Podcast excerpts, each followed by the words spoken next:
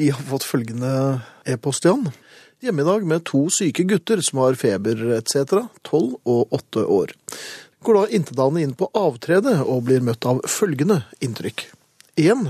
Et troll med eftervirkninger etter å ha fortært skjemt åtselsau, har prøvd å benytte porselensmøbelet fra fire meters høyde, og er nesten truffet. 2.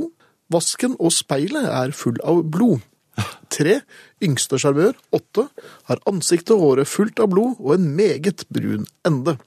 Etter at bestyrtelsen har lagt seg, ble poden sendt i dusjen etter sjøforklaring. Han hadde begynt å blø neseblod og løp inn på do med et godt grep i nesen for ikke å søle. Flink gutt, det. Hadde akkurat nådd frem til vasken da han bare måtte nyse, og fikk derfor dekorert vask og speil, ref. punkt to.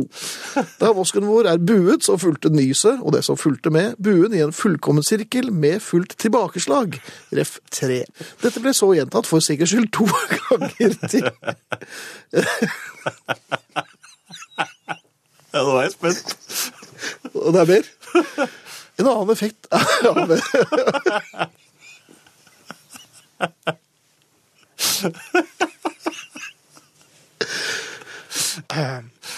Dette går så fint.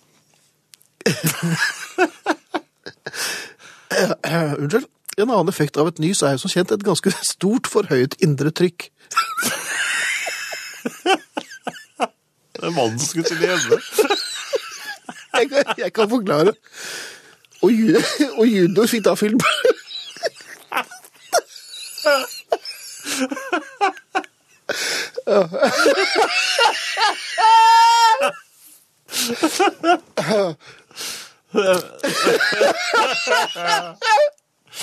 Og junior fikk da filmbuksa si med, med noe tyntflytende brunt.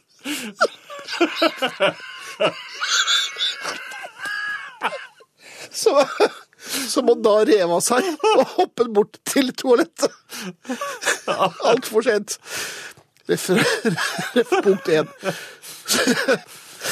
Hil- Hilsen første rengjører Henrik, spesialist i bøtteballett.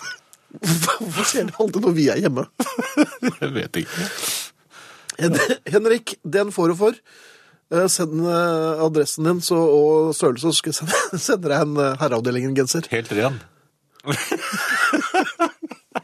Herreavdelingens feriekoloni. Noe som virkelig er utrolig irriterende, er kostholds-, les-, slankerådsmennesker som med stor innlevelse hårnakket prøver å innbille oss at agurk, paprika, gulrot, blomkål og stangselleri med yoghurtdipp er minst like godt som chips til lørdagskosen. Det er det ikke, hilser Inka, som ikke lar seg lure. Bra, Inka. Og det har han jo helt rett i også. Herreavdelingens feriekoloni. Ehm, anstrengt eh, samtale ved postkassen. Jeg var nede for å hente avisen en eh, morgen. I, Deilig varmt var det. Ja. Jeg hadde tenkt å faktisk ta en liten joggetur. ja. Det skjer av og til. Egentlig så er jeg At du får lyst til å gjøre det, eller at du gjør det? At jeg gjør det. Men eh, så går jeg da ned til avisen. Jeg er ja, lett i steget, vil jeg si, og virkelig nyter den eh, deilige sommermorgenen. Og så Skjer det nå? Kommer en dame med en liten jente og en mye enda mindre hund. Det var nemlig en Mye enda mindre hund. Ja, mye enda mindre, for den var nemlig på størrelse med Alba.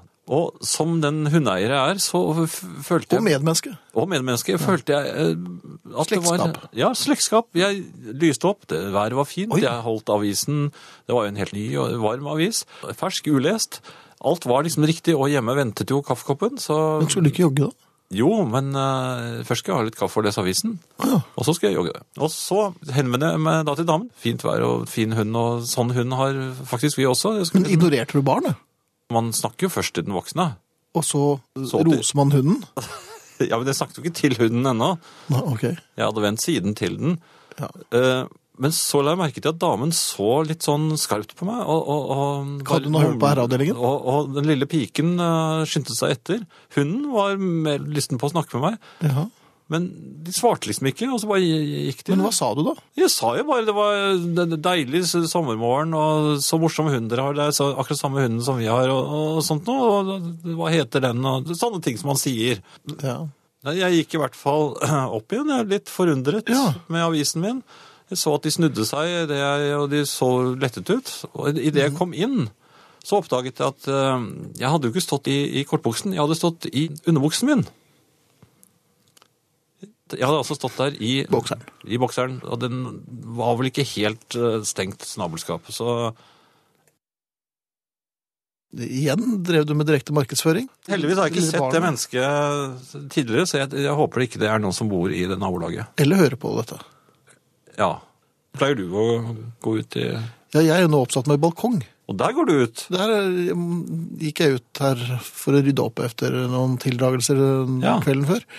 Uh, kun iført bokser og en uh, relativt eh, sjaskete Rainmakers-T-skjorte, faktisk. Ja, de blir jo det. De blir sjaskete. Rainmakers holder seg bedre enn T-skjortene Ja, de deres. Og der fikk jeg hils på naboen ordentlig. Ja. Her i Herreavdelingens feriekoloni tar vi fram kjøleelementer fra programfryseboksen. Du vet at jeg er relativt uh, opptatt av verdensrommet. Ja, og du kan jo veldig, veldig mye om verdensrommet. Jeg har i hvert fall studert det en del, og, og Hvordan er du, også med det, du har studert det med det gode øyet ditt. Nei, det er Har du verdensrommet verdensromøye? Nei, men det du skal gjøre, som er et, et triks når du skal se på verdensrommet Verdensromtrikset? Ja. Jeg vet at dette høres rart ut, men Nei da, det gjør det slett ikke. Vær så god, Jan Friis. mange vil tro at når det er så mørkt Altså, verdensrommet er, er mørkt om natten. Hvis, Er det, men det er, det er helt lyst om eh, dagen, er det ikke det? jo, det er for så vidt mørkt om dagen også, men, men da er det jo lyst på himmelen, som, som da ligger mellom verdensrommet og Ja, for det er, det er jorden, himmelen og så verdensrommet. Det, Den kommer litt feil ut, dette. Og Det jeg ville si, da, Ja da, det var når det er mørkt og du vil, du vil observere verdensrommet, så lønner det seg altså, faktisk ikke å sperre øynene opp som en ugle, for da ser man mindre. Men hvis man myser Mhm. og laver, gjør øynene sine så små som knappenåler altså, Og litt skumle. ja, men Du skal ikke bli sett på av noen, for du har jo ansiktet vendt opp. Ja vel. Og enda bedre, du tar hånden og former den som en slags liten kikkert, en trang liten kikkert. Jaha. Og så titter du med det ene øyet gjennom Hvilket det, øye det, det, det beste øyet. Ja. Sikteøyet. Så vil du kunne se himmelobjektene skarpt. Planeter, stjerner, galakser osv. Så så du mener at astronomer i, i mange år har brukt millioner, kanskje milliarder, på teleskoper? Og så kunne de egentlig bare lagd en liten trakt med hånden sin og brukt det gode Nei, altså, sikteøyet? og så det var slik det var slik astrologien begynte i, i riktig gamle dager, før de hadde kikkerter. Med en mann med bitte små øyne? Nei, men altså, de hadde ikke hjelpemidler. Altså, de, hadde, de Hadde hadde trådsneller, kanskje, men Hadde de trådsneller? Hvordan snakket de med hverandre? Var det, hadde de sånn bokser og som en hyssing mellom? Hva ser du nå, Galileo?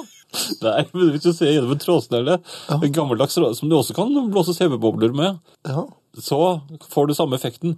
Men altså, det jeg vil frem til nå, som observatør av verdensrommet, er at en annen galakse Vi er i ferd, altså Melkeveien, som vi tilhører, den galaksen er i ferd med å kollidere med en annen galakse. Og så, så, så maner bare vitenskapen til, til ro, at det er liksom, de avdramatiserer det hele. ja, to galakser krasjer. Det Ja, ikke sant? Er det grunnen til å føle ro? Snart Og den, og den andre galaksen er helt lilla. Ja, men Hvordan kan man avdramatisere at to galakser kolliderer, og det skal gå så fint? Jeg har jo forsøkt nå å observere, men jeg, har- jeg, Men jeg du har gått tom for trådsneller? Nei, men det er, det er vanskelig å se farven på galakser med det blotte øyet. Mm. Men du aner konturen av noe, noe lilla i bakgrunnen der.